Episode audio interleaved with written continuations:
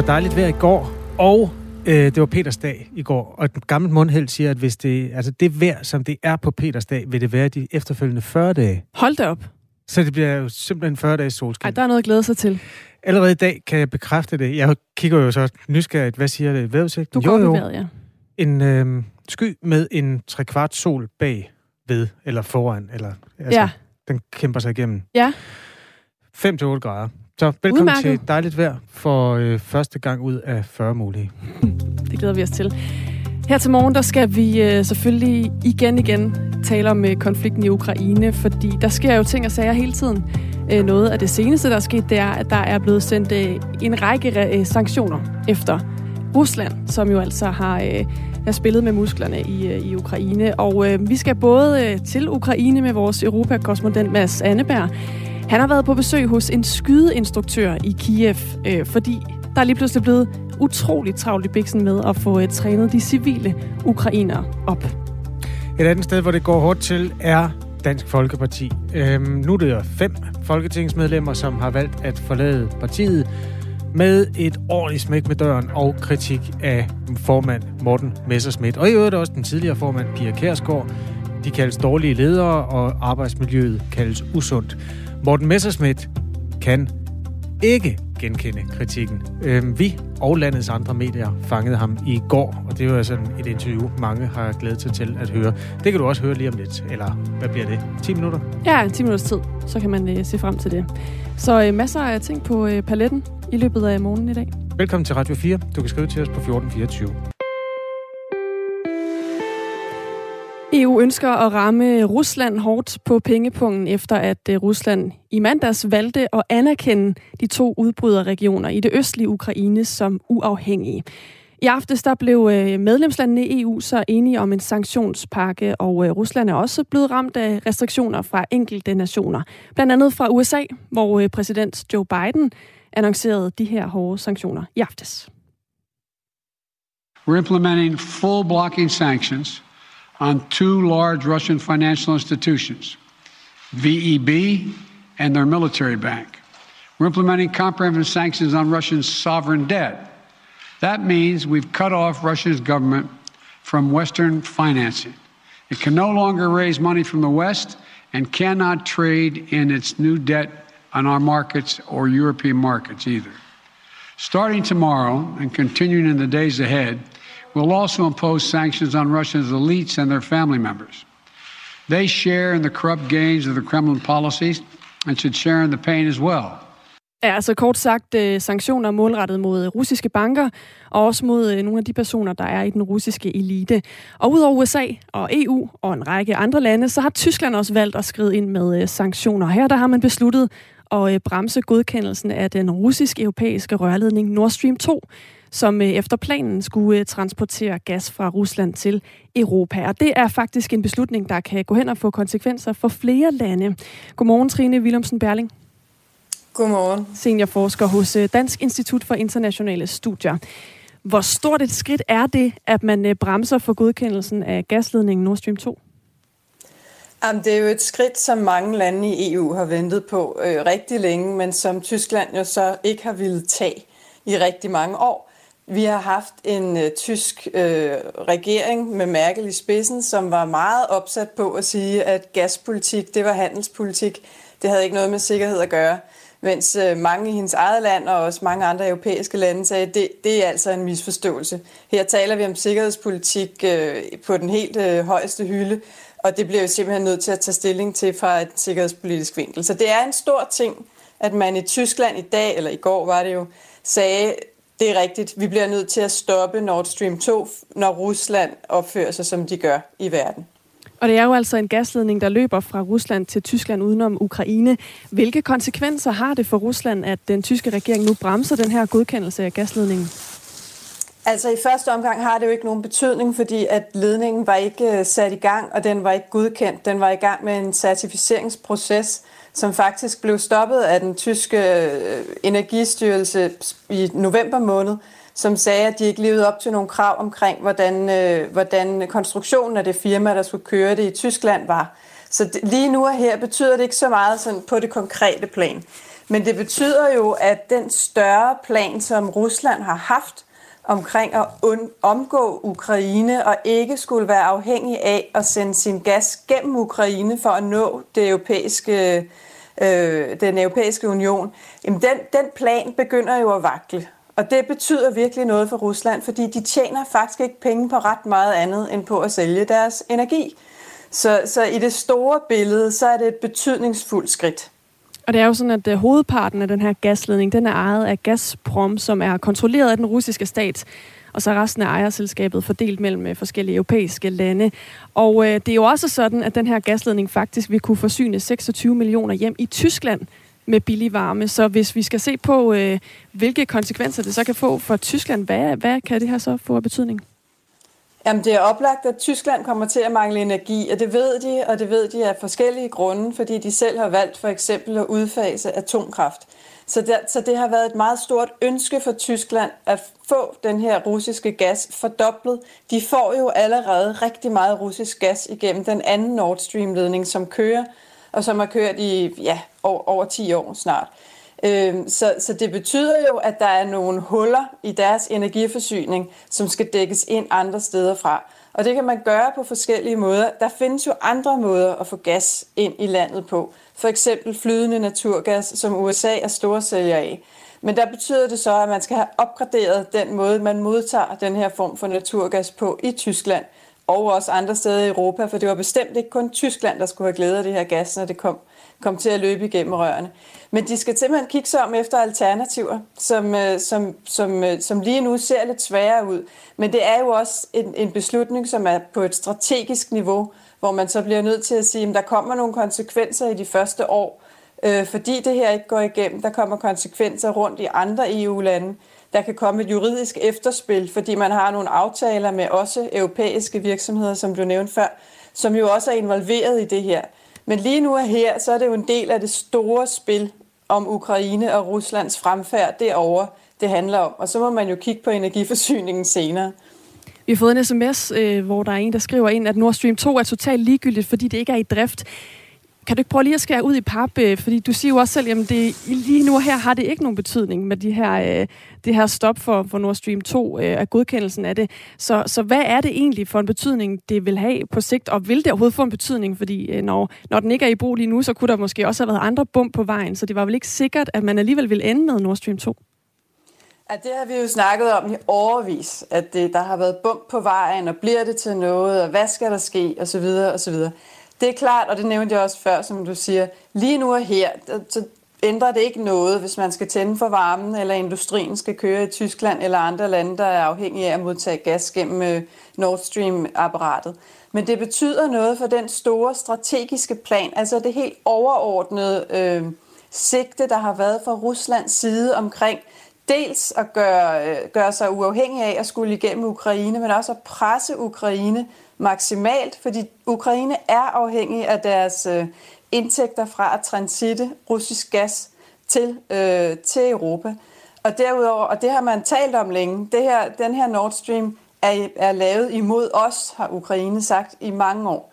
Øh, så det betyder noget, at vi går ind, eller Tyskland jo selv øh, enhændigt går ind og sætter en kæppe i hjulet for den her større plan, Rusland har haft om at presse Ukraine maksimalt. Der betyder det noget. Det betyder så også noget på en, øh, man sige, på den grønne, grønne omstilling. Fordi der var gassen jo tiltænkt at skulle gå ind og erstatte i Tyskland meget af det kul, de bruger, og også i andre af de omkringliggende lande, øh, Polen, hvor man jo kommer til at brænde alt for meget kul af, hvis ikke vi har en overgangsenergiform, der hedder gas. Og der var Nord Stream 2 altså også tiltænkt at have en ret stor rolle. Så vi kommer til at få nogle huller på flere plan. Vi kommer til at få huller i Tyskland med simpelthen at have energi, men også at have muligheden for at lave den her hurtige omstilling til de mere klimavenlige øh, brændsler, som gassen var tiltænkt en stor rolle i. Så det har betydning strategisk og for den grønne omstilling, og også på sigt for den tyske forbruger. Og øh, nu har vi også talt en del på det seneste om, at øh, gaspriserne er steget. Øh, nu laver man den her bremsning, og det er jo igen på det lidt hypotetiske plan, fordi det jo ikke findes endnu, i hvert fald ikke godkendelsen af den. Øh, men, men vil det her også kunne få en betydning for gaspriserne, som jo altså i forvejen er steget en hel del de seneste måneder? Lige nu og her tror jeg, at vi vil se en, en, en ustabil gaspris, øh, som, som øh, vil være påvirket af, at, øh, at der er noget, som vi troede lå, om ikke lige om hjørnet, så dog alligevel ude i fremtiden, altså mere gas, der kunne komme ind gennem den her ledning. Så på den måde tror jeg, at markedet øh, vil reagere på, på den her meddelelse. Og så, så står vi jo altså bare i en energikrise lige nu, som har mange mødre og fædre, hvorunder øh, naturgassen selvfølgelig spiller en rolle. Altså hvis importen ikke øh, bliver, bliver, bliver hævet, så, så er det også svært øh, at få gaspriserne ned. I Danmark, der ser vi jo ind i, at vi har et stort gasfelt lige nu, tyrefeltet, som vi normalt får al vores gas fra, som lige i de her år er sat ud af drift, fordi det er under omstrukturering. Og der, så i Danmark vil vi se om ikke ret lang tid, altså inden for et halvt år, et år, at vi igen selv kan begynde at forsyne vores husholdninger og vores land med gas fra Tyrefeltet. Og der har vi aldrig rigtig været inde over at have haft en aktie i Nord Stream. Det, der er interessant måske lige nu for nørder som mig, det er, at lige nu får vi faktisk vores gas fra Nord Stream 1, selvom vi jo i overvis har været utrolig kritiske over for overhovedet at og skulle tale om, at Nord Stream 2 var en god idé. Så, men det er sådan lidt på nørde detaljeniveau. Ja, men det kan jeg faktisk godt lige tænke mig at uh, gå ind i her til sidst, for vi har faktisk fået en sms. Det er jo sådan, man kan skrive ind, hvis man lytter med uh, på programmet, så kan man skrive ind på 1424. Man skal bare starte beskeden med R4. Der er en uh, lytter, der har skrevet ind, er der tale om at lukke Nord Stream 1 eller Ukraine-rørledningen? Nord Stream 1 kører.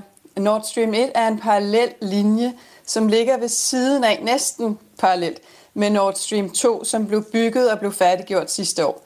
Så Nord Stream 2, det er den, det handler om. Det er fordoblingen af den Nord Stream-ledning, der allerede kører, og som løber tæt på Bornholm, og som Danmark var det første land i Østersøen til at godkende tilbage, da de godkendelser skulle ligge. Nord Stream 2 er den øh, gaslinje, som, som, øh, som Scholz har, har sat en stopper for i går, og som Danmark har været virkelig i det internationale spotlight omkring, fordi vi var dem, der kunne sige nej øh, her i anden runde, fordi at de bad om at, at bygge igennem vores territorialfarvand. Så var der en masse skærmysler og international pres osv., som så gjorde, at den kom til at ligge et lidt andet sted. Men den, blev, den fik lov til at blive gjort færdig af Biden og Merkel i, i enighed sidste sommer.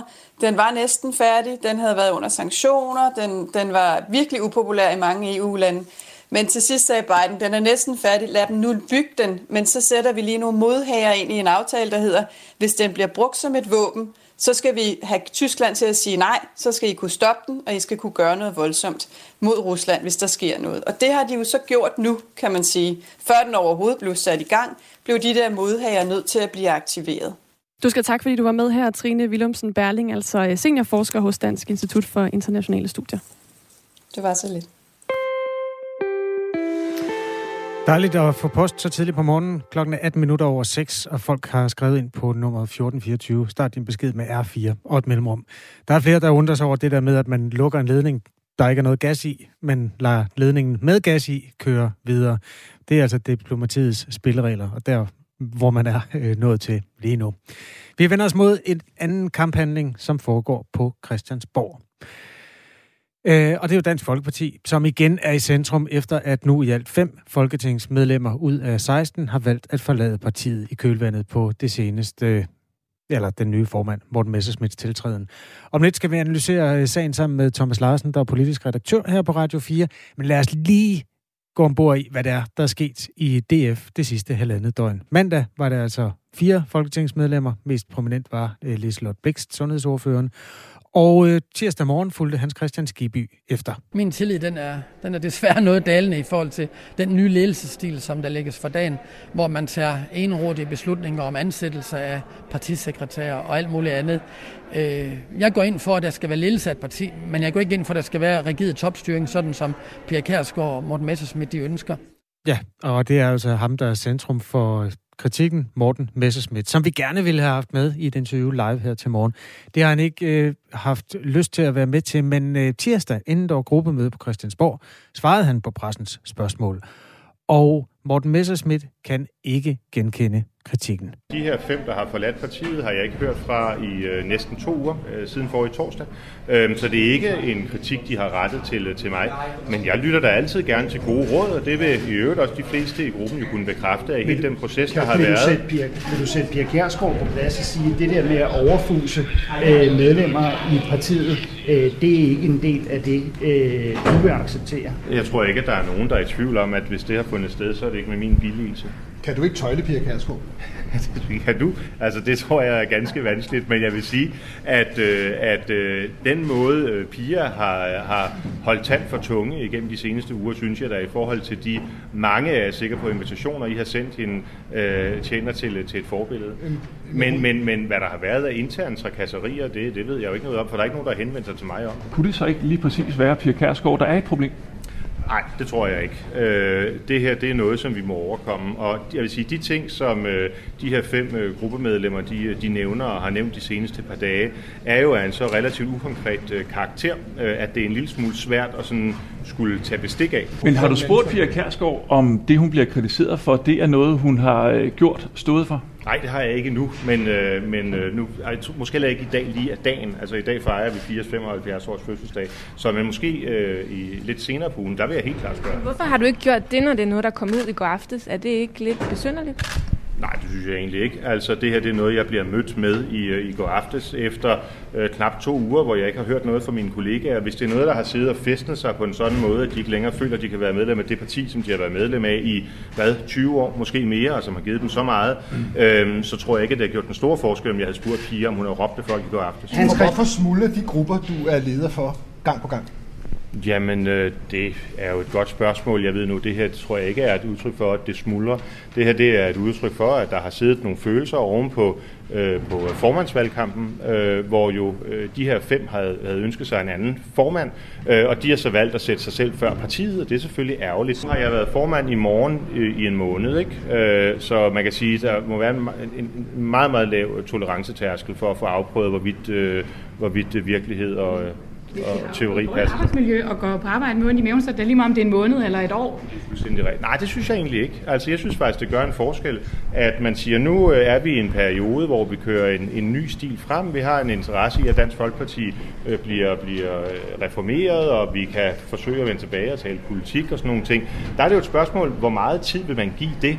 Øh, Jeg synes egentlig, at man i forhold til alt, hvad vi alle sammen skylder øh, Dansk Folkeparti, nok skulle have givet det lidt mere end en måned. Hvad vil du gøre for at forsøge at holde på resten, hvis det stadigvæk øh, er dit sigte? Jamen, øh, mit mål er at fortsætte det projekt, som øh, årsmødet har givet mig et klart mandat til, at, øh, at genopføre eller genskabe Dansk Folkeparti som et stærkt øh, parti. Øhm, og det projekt med en hel række konkrete initiativer, som årsmødet har nikket til, det fortsætter. Øhm, og så håber jeg selvfølgelig på, at de mennesker, der i dag er valgt til Folketinget for, for Dansk Folkeparti, de også agter at være med på den rejse. Tror du virkelig ikke på dem, når de siger, at det er din ledelsesstil, der er problemet? Øhm, jamen det kan jeg jo ikke afvise. Jeg vil bare sige, at det ville være rart, hvis de så kunne anvise et konkret, et konkret punkt i min ledelsesstil. Det gør de jo. Gør de det? Er det ikke konkret, at man må gå øh, grædende hjem øh, på grund af de oplevelser, man har i Dansk Folkeparti? Jo. Absolut. Det jeg bare beder om, det er, at hvis man har et, øh, en oplevelse af den karakter, så tror jeg, at man skulle komme til mig øh, med det. Altså det, det tror jeg også, man vil forvente både på TV2 og på Berlingske og alle andre øh, arbejdspladser, at man, øh, at man kommer til ledelsen eller den HR-ansvarlige med den slags ting, sådan at man kan tage bestik af det. Er du helt overbevist om, at Pia Kærsgaard ikke har råbt af nogen af folketingsmedlemmerne? Øh, nej, altså det er jo ikke noget, jeg har hørt om, øh, og det er jo ikke noget, jeg har set, og det er ikke noget, jeg har bevidnet. Øh, men jeg vil bare sige, at jeg har aldrig nogensinde oplevet piger være rå, altså råbe, så derfor ville det være en, en, en førstegangsoplevelse for mig. Er du overbevist om, hun ikke har gjort noget galt? Øh, Nej, jeg er overbevist om, at vi alle sammen på et eller andet tidspunkt har gjort et eller andet galt. Men i den her situation, Pia Kærsgaard øh, har øh, efter udsagn har sagt, at de skulle skamme sig for at sige op. Hvad, hvad, hvad mener du om det? Synes du, man skal skamme sig, fordi man siger job op i Dansk Folkeparti?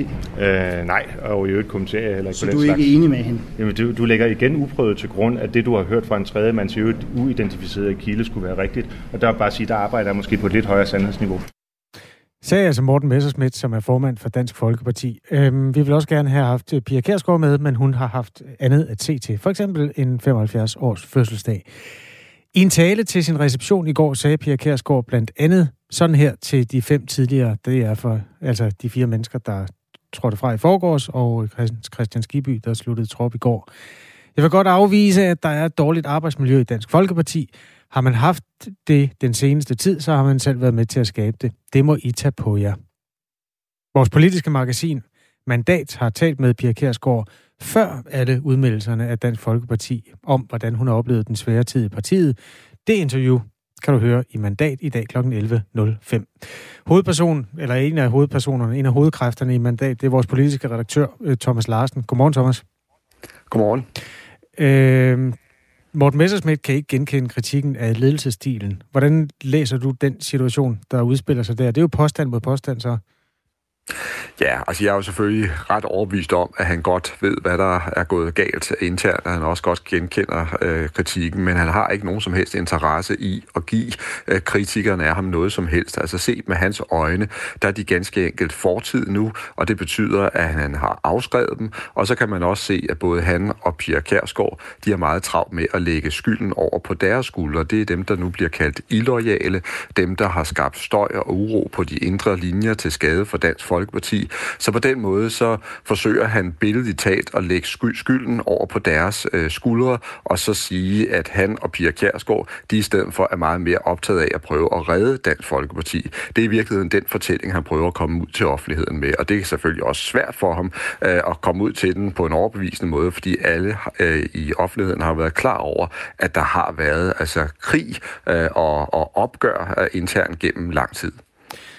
Du lytter til Radio 4 morgen, hvor vi gør status over de seneste udmeldelser af Dansk Folkeparti. Og hvis man ikke øh, lige stemmer på Dansk Folkeparti, og måske synes, at det er mærkeligt, at hele det danske pressekorps går så meget op i den her, så er det jo simpelthen også, fordi det er historien om et af de mest indflydelsesrige partier i Danmark de sidste 20 år, som lige nu er i gang med at bevæge sig hen til at blive et af de mindst indflydelsesrige. Øhm, med tilbagegangen fra 16 til 11 mandater er partiet heller ikke øh, stort nok til rigtigt at levere afgørende mandater. Øh, for eksempel har øh, partiet jo stået den socialdemokratiske regering bi i flere store aftaler. Øhm, og nu DF så ikke længere stort nok til at erstatte et af støttepartierne i politiske aftaler. Hvordan efterlader det øh, regeringen, at man ikke længere kan bruge DF til øh, at bakke op, hvis man øh, af en eller anden grund ikke kan hvad skal man sige, få mandater fra enhedslisten? Jamen, det er nemlig en meget, meget vigtig politisk pointe, du har fat i her, Kasper, og måske også et perspektiv, som mange de overser. Alle er optaget af, at det er et, et parti, der kæmper voldsomt uh, internt, og, og hvor de er uenige med hinanden. Men det her opgør, som vi er viden til, det har faktisk også nogle store uh, parlamentariske konsekvenser på Christiansborg, fordi regeringen, uh, i modsætning til hvad mange måske går og tror, sidder ikke og jubler over den her svækkelse af Dansk Folkeparti, fordi set med uh, Socialdemokratiets øjne, set med Mette Frederiksens øjne, så har Dansk Folkeparti i en række situationer altså været en meget afgørende, god og stabil partner. Og hvis vi tænker på et af Socialdemokratiets største slagnummer her i det senere år, hele Arne, Arne-pensionen, ja, så er den jo blandt andet blevet løftet igennem med, med stemmer fra DF. Så øh, det her, det kan også gå hen og blive et problem for Mette Frederiksen. Øh, hun kommer til at miste en øh, en form for partner og støtte i velfærdspolitikken, socialpolitikken, øh, sundhedspolitikken. Så hun kigger altså ind i en situation nu også, hvor hendes øh, muligheder for at manøvrere på Christiansborg bliver sværere. Særligt jo, hvis øh, stemmerne hopper over til nye borgerlige, som det noget tyder på i meningsmålingerne, fordi det er jo ikke en lige så tæt allieret for øh, Socialdemokratiet. Fuldstændig rigtigt, ja. ja.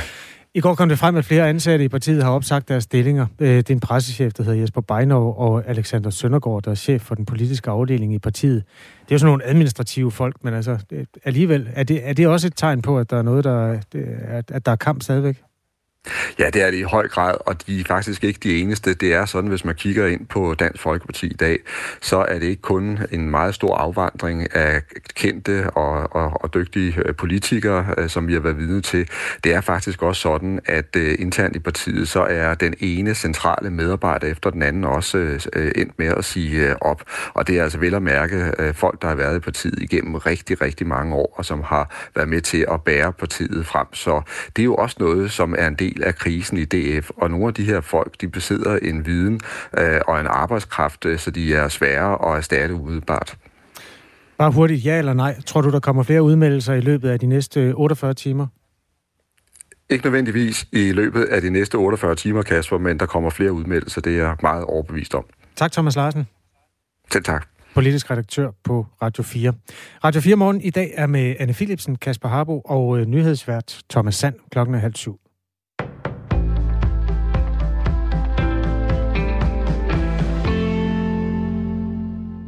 Det er et stærkt første skridt af præsident Joe Biden at indføre sanktioner mod Rusland som følge af landets handlinger i det østlige Ukraine. Det siger den ukrainske udenrigsminister Dimitro Kuleba i et interview med Fox News efter et møde med USA's udenrigsminister Anthony Blinken i Washington D.C. De sanktioner, som præsident Biden har offentliggjort, ser stærke ud, hvis vi betragter dem som et første skridt, siger han. Kuleba fortæller yderligere, at han af amerikanske embedsmænd har fået et løfte om flere våben. Han tilføjer samtidig, at det ikke er amerikanske soldater på landjorden, som Ukraine er på jagt efter for at løse krisen. Flere vestlige lande straffer Rusland med nye sanktioner for at have beordret soldater til udbryderrepublikker i det østlige Ukraine. Joe Biden fortalte tidligere i en tale, at USA indfører omfattende sanktioner mod Rusland. Ifølge Biden går sanktionerne meget længere end tidligere sanktioner mod russerne. Sanktionerne er blandt andet målrettet to russiske banker. Den ene bank er en russisk militærbank. Derudover bliver personer i den russiske elite og deres familier ramt, oplyste Biden. Samtidig bliver Ruslands adgang til vestlig finansiering ramt. Ifølge Biden er USA også klar med flere sanktioner, hvis Rusland optrapper konflikten yderligere. USA's sanktioner kommer efter, at Rusland har anerkendt to udbryderrepublikker i det østlige Ukraine som uafhængige. Rusland har også meddelt, at man planlægger at sende fredsbevarende styrker til de to regioner, Lugansk og Donetsk. Ifølge Biden er det bizart, at Ruslands præsident Vladimir Putin anerkender de to selvudråbte republikker som uafhængige. Det er begyndelsen på en russisk invasion af Ukraine, mener Biden. Japan er for alvor på banen i konflikten i Øst-Ukraine. Premierminister Fumio Kishida oplyser således, at landet også er klar til at indføre sanktioner mod Rusland for at presse præsident Vladimir Putin ned ad diplomatiets vej. Kishida oplyser, at visse russere vil få indefrosset deres aktiver i Japan. Derudover bliver det ulovligt at udstede russiske statsobligationer i Japan. For situationen mellem Ukraine og Rusland vil Japan se på, hvordan man kan indføre endnu skrappere sanktioner mod russerne oplyser Kishida. Han siger, at Rusland med aktionerne har forgrebet sig på Ukraines selvstændighed. Han opfordrer samtidig Vladimir Putin til at løse konflikten med diplomati i stedet for soldater. Selvom der på danske grundskoler og ungdomsuddannelser er indført en lov om, at eleverne ikke må ryge i skoletiden, er det omkring halvdelen af de elever, der ryger, der fortsat gør det, mens de er i skole. Det viser en undersøgelse lavet af Statens Institut for Folkesundhed i samarbejde med Kræftens Bekæmpelse, Hjerteforeningen og Lungeforeningen. Blandt de elever i grundskolen, der ryger, svarer knap 51 procent, at de stadig ryger i skoletiden, på trods af loven om røgfri skoletid. For gymnasieelever er tallet knap 49 procent. Loven blev indført for grundskoler 1. januar 2021 og 31. juli 2021 på ungdomsuddannelserne. Eleverne må hverken ryge på eller uden for skolens område i skoletiden. Og det var jo egentlig det, der var, var formålet med den her lovgivning. Det var jo, at de ikke røg i de timer, de var i skole, uanset hvor de var henne siger Lotus Sofie Bast, der er seniorforsker i tobaksforebyggelse ved Statens Institut for Folkesundhed. Hun forklarer dog, at loven er ganske ny, og der kan gå noget tid, før den har en reel effekt. Det vi ved øh, i forvejen, det er, at det her med at arbejde med røgfri skoletid på grundskolerne, det er noget, der mange steder har været i gang over flere år faktisk. Hvorimod på ungdomsuddannelserne har det været, altså der er det ikke noget, der har været lige så meget øh, fokus på over de senere år. Hun tror, at man med tiden vil kunne se en større effekt af loven. Men ikke desto mindre, så er det jo faktisk sådan, at loven den er jo trådt kraft. Så, så man bør jo gøre noget for at, at, at overholde de her regler i hvert fald. Og det er op til skolerne selv at vurdere, hvilke konsekvenser der skal være, hvis skolens rygepolitik overskrides. Først på dagen enkelte byer, ellers bliver det tørt med nogen eller en del sol, men i løbet af dagen flere skyer vestfra, temperaturer mellem 5 og 9 grader. I morgentimerne kan der især i Nordjylland være risiko for pletvis isglatte veje.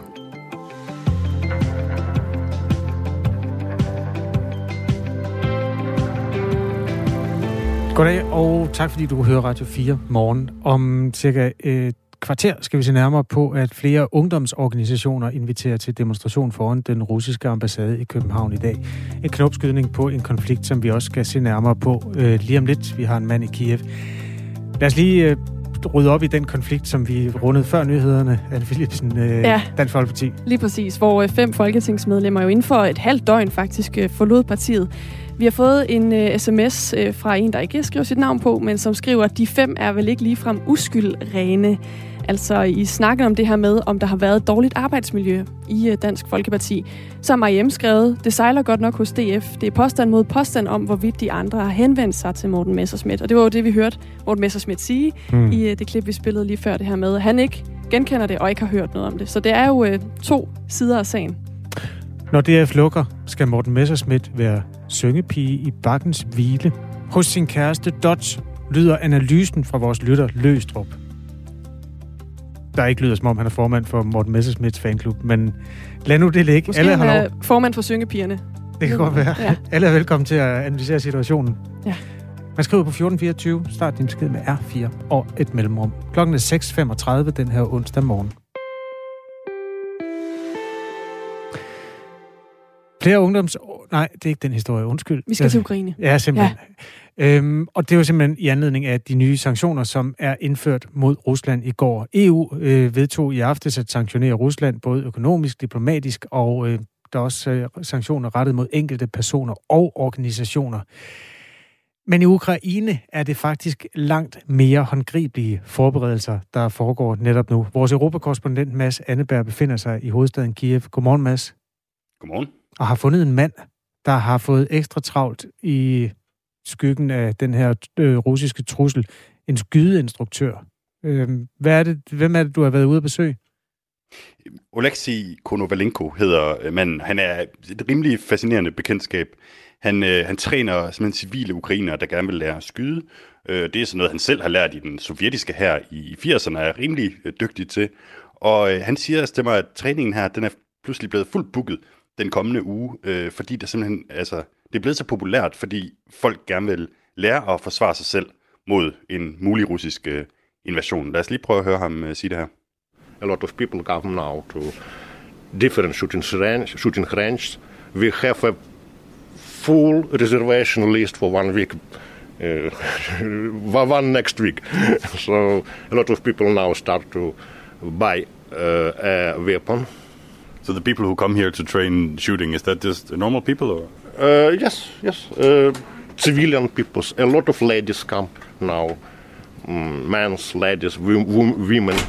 Um, maybe this is a kind of, you know, a spirit now, Ukrainian spirit to uh, learn how to shoot, how to handle a weapon. Ja, det er simpelthen en del af den folkesjæl, der er vokset frem i skyggen af konflikten, at nu både mænd og kvinder dukker op, altså civilister, der gerne vil lære at skyde. Mads Anneberg er en rimelig munter fyr i vigtige betragtning af, hvad det er, vi taler om her, en forestående nærmest borgerkrig.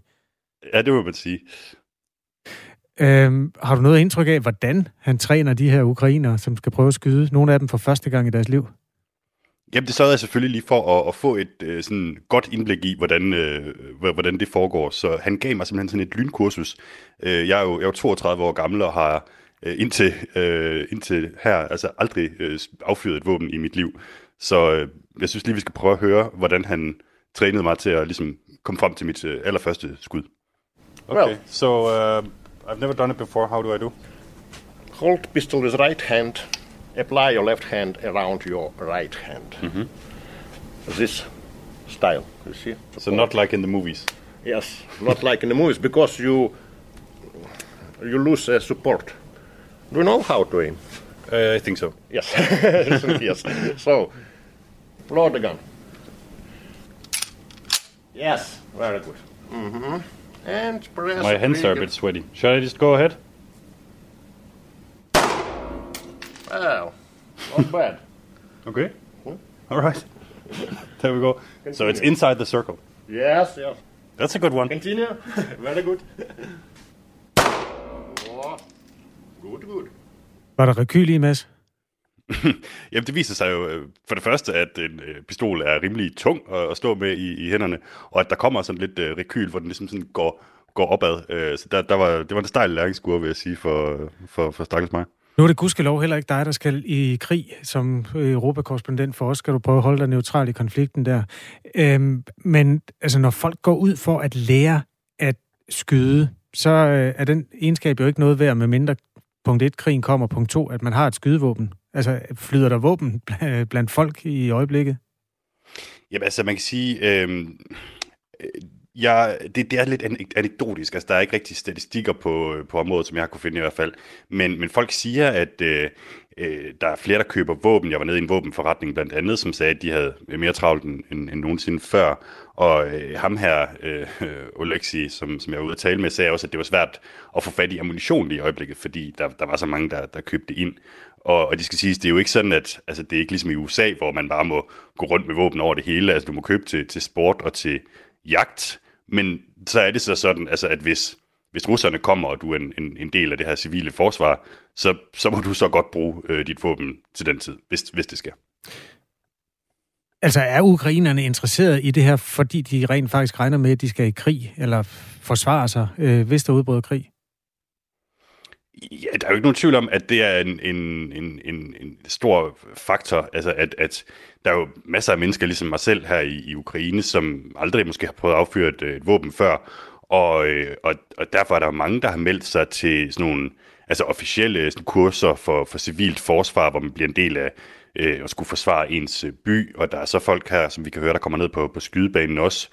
Øh, så, så det er jo altså det er jo bare, hvad skal man sige, fordi at folk, det går op for folk, at de har ikke rigtig nogen erfaring med, med den her slags, øh, som, som altså ville, ville kunne afskrække russerne, hvis, øh, hvis det var.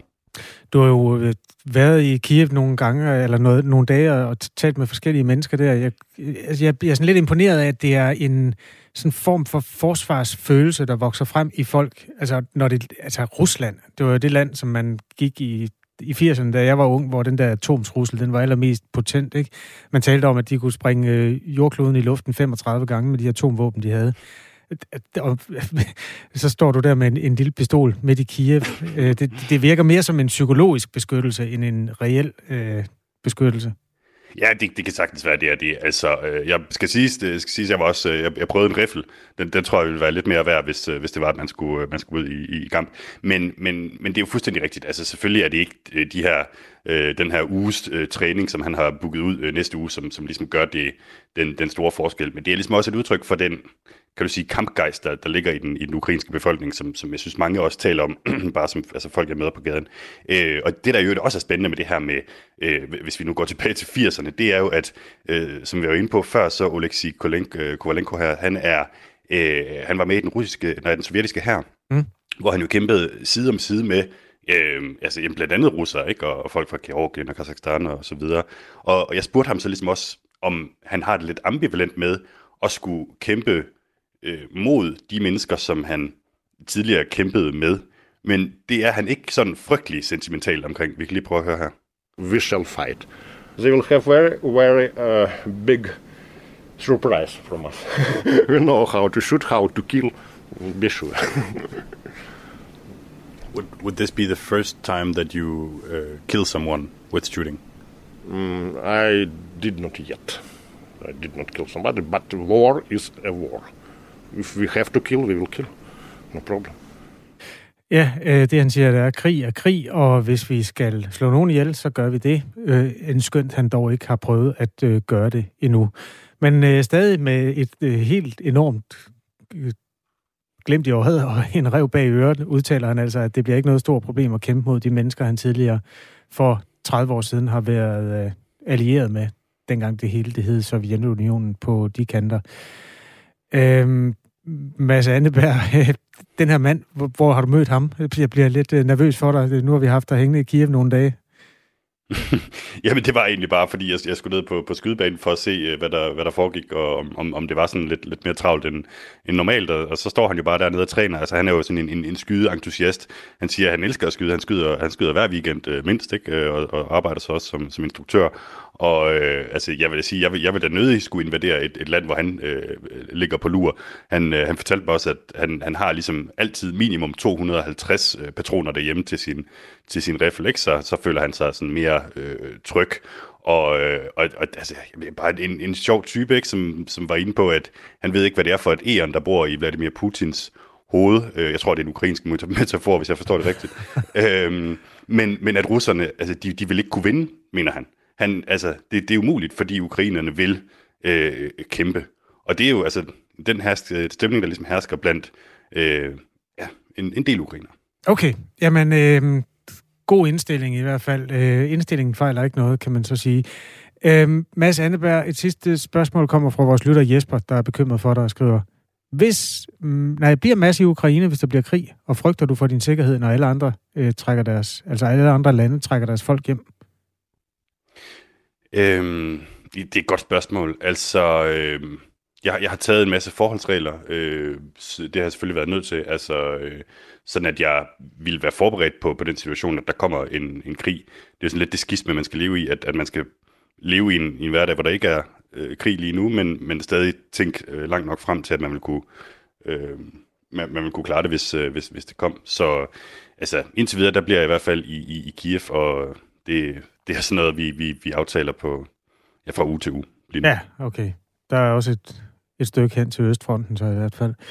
Ja, og det, og det er jo også det her, altså du, du kan jo se, det er jo fuldstændig rigtigt, at alle trækker den danske ambassade. Jeg var lige nede og hilse på dem, øh, han har sagt øh, forleden, hvor der er jo ikke nogen danskere tilbage øh, på den danske ambassade i Kiev. Der sidder øh, fire ukrainer og, og passer øh, Bixen, fordi de er flyttet længere ud vestpå på landet. Øh, amerikanerne er endda begyndt at flytte deres diplomater over til Polen, og så kan de sådan komme ind i Ukraine en gang imellem, øh, når, når der lige er brug for det. Så, så det er jo klart, at, at det, det påvirker både mig og også folk, der bor her i virkeligheden, at, at der er den der sådan meget forsigtig indstilling til det. Pas på dig selv, øh, og tak for reportagen, Mads Anneberg. Selv tak. Europakorrespondent her på Radio 4. Var det dog naivt og trist, medmindre de bliver lært op i at være snigskytter, giver det ingen mening. Hvis soldater engang oplever skud, vil de skyde på alt, som bevæger sig, uanset om de er bevæbnet eller ej, skriver vores lytter Lars i en sms. Daniel skriver, godmorgen vedrørende russernes atomvåben. Ingen, heller ikke russerne, er interesseret i at bruge dem. De skældner nemlig ikke mellem nationalitet. Plus, at egen jord, som ikke egner sig til at leve på, er nok heller ikke populært i Kreml. Lyder sms'en, som Daniel har sendt til 1424. Lige nu er klokken 13 minutter i syv. Portrætalbum. En gæst. Et musikalbum og masser af gode historier. På en eller anden måde blev det sådan lyden på et savn. Vært Anders Bøtter dykker ned i tiden, musikken og de minder, den sætter gang i hos gæsten. Der var retning på det, følte jeg. Jeg troede på det, han sang. Bliv suget med ind i, hvad musikken gør ved os. I Portrætalbum fredag fra 17 til 19, eller som podcast, når det passer dig. Musikken, det er altså en gave, man har hele livet. Radio 4 taler med Danmark. Du lytter til øh, Radio 4 Morgen med Kasper Harbo og Anne Philipsen, og vi bliver i øh, hele situationen omkring Rusland og Ukraine, fordi øh, flere ungdomsorganisationer de inviterer til demonstration i dag foran den russiske ambassade i København. På øh, den begivenhed, man har lavet på Facebook, der står der, intet land må se stiltigende til, når stater udviser sig aggressiv adfærd over for andre lande. Så øh, dem, der arrangerer det her, mener altså, at Folketinget skal reagere meget hårdere mod russernes aggressioner i Ukraine, end man har gjort indtil nu. Godmorgen, Frederik Vad Nielsen. Godmorgen. Formand for Danmarks Socialdemokratiske Ungdom. Altså det at lave en demonstration, det er jo altid en måde at vise, at man er utilfreds på. Men hvad vil I konkret gerne opnå ved den demonstration i dag? Jamen, jeg tror, at vi i virkeligheden gerne vil opnå to ting. Øhm, det ene er, at vi gerne vil sende et signal til øh, det danske folketing, til vores moderpartier, om at øh, vi på tværs af politiske holdninger og politiske skæld i ungdommen mener, at øh, det er Rusland, der er den aggressive part i forhold til Ukraine, og at vi bakker 100% op om Ukraines ret til selv at vælge deres egen fremtid. Og det kan jo lyde meget banalt, men der er jo en diskussion både i Europa og i Danmark om, hvem er det egentlig, der er øh, den aggressive part? Er USA og NATO også det? Eller er det, er det kun Rusland, der er det? Så det er ligesom det ene. Og det andet er, at vi gerne vil øh, vise Ukraine og de samarbejdsorganisationer, vi har i Ukraine, de søsterorganisationer, vi har der, at øh, Danmark viser solidaritet med dem. Det her det er den første rigtig store offentlige markering øh, i øh, foran den russiske ambassade, hvor vi siger klart fra over for russerne og viser klar solidaritet med ukrainerne. Så det er ligesom formålene. Du siger, at I vil vise jeres moderpartier, at øh, I står på Ukraines side, og det bør de også gøre. Oplever du, at der er nogen, der, øh, der siger det modsatte i øjeblikket? Nej, ikke, øh, ikke direkte, men, men der er jo, altså, der har jo været en diskussion, hvor jeg for eksempel synes, at enhedslisten øh, og folk med tilknytning til enhedslisten har været øh, lidt for hurtige til at sige, at øh, jamen, øh, Rusland og USA øh, er egentlig lige gode om det i, øh, i Ukraine, og øh, det våbenkapløb, der foregår lige nu, det har NATO også en del af ansvaret for. Så der har jo været nogle diskussioner, og, og der tror jeg bare, det er vigtigt, at de politiske ungdomsorganisationer, helt ude fra Rød-Grøn Ungdom til Dansk Folkeparti Ungdom, siger, prøv at her, Ukraines frihed og fred er truet, og den er truet af Putin og Rusland. Og det er ligesom en analyse, vi lægger til grund for vores holdninger til det her. Det er altså en øh, demonstration, der bliver afholdt i dag i eftermiddag foran den russiske ambassade i København, og øh, der er en lang række politiske ungdomsorganisationer, som er med. Øh, Radikal Ungdom, Konservativ Ungdom, Venstres Ungdom og så øh, Danmarks Socialdemokratiske Ungdom, som du er, øh, er formand for, Frederik Vad øh, Nielsen. Øhm, det er jo mange forskellige grupper, der deltager, også mange forskellige, i hvert fald traditionelt set, politiske ståsteder. Er I helt enige om, hvad budskabet skal være ved den her demonstration? Altså, vi har frihed hver især øh, til at, øh, vi har frihed hver især til at sige, hvad vi vil øh, fra talerstolen. Alle har mulighed for at komme med et, et indlæg. Men øh, det, der har været sådan opdraget til den her demonstration, det har været at sige fra over for den russiske aggression. Og det fremgår også direkte af, af den begivenhed, der er, der er lavet på Facebook. Og, og, og det står vi fælles om, det står vi sammen om, og det synes jeg er et meget, meget stærkt signal. Altså, det er jo ikke øh, tilfældigt, at den bliver holdt foran den russiske ambassade. Øh, det er jo ikke sådan, at vi har delt demonstrationen op i to, og så står der et hold foran den amerikanske ambassade og råber og skriger os. Sådan er det ikke. Vi er enige om, at den aggressive part lige nu, det er Rusland, og det vil vi sige fra overfor. Og hvilken øh, effekt håber du så, at den demonstration vil have? For det første så håber jeg, at øh, de samarbejdspartnere, unge samarbejdspartnere, vi har i Ukraine, vi har et øh, sublandet tæt samarbejde med, med flere organisationer. Jeg håber, at de øh, får øh, tryghed i, at der er endnu et vestligt land, der melder sig klar til at forsvare Ukraines ret til at bestemme over deres egen fremtid.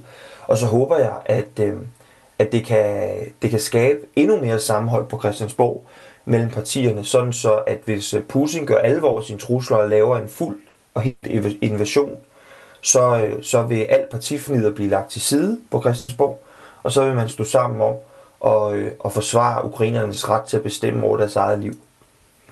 Du har også fortalt, at du, øh, eller I prøver med den her demonstration at råbe Folketinget op. Hvad er det, du gerne ser, at Folketinget skal gøre, ud over de sanktioner, som man jo er ved at, at sætte i gang på forskellige vis?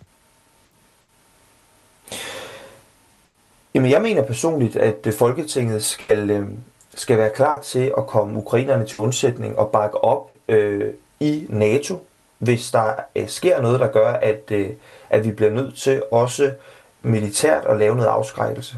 Altså diplomati, samtaler, dialog, det er det aller, aller vigtigste nu, og det spor skal vi fortsætte.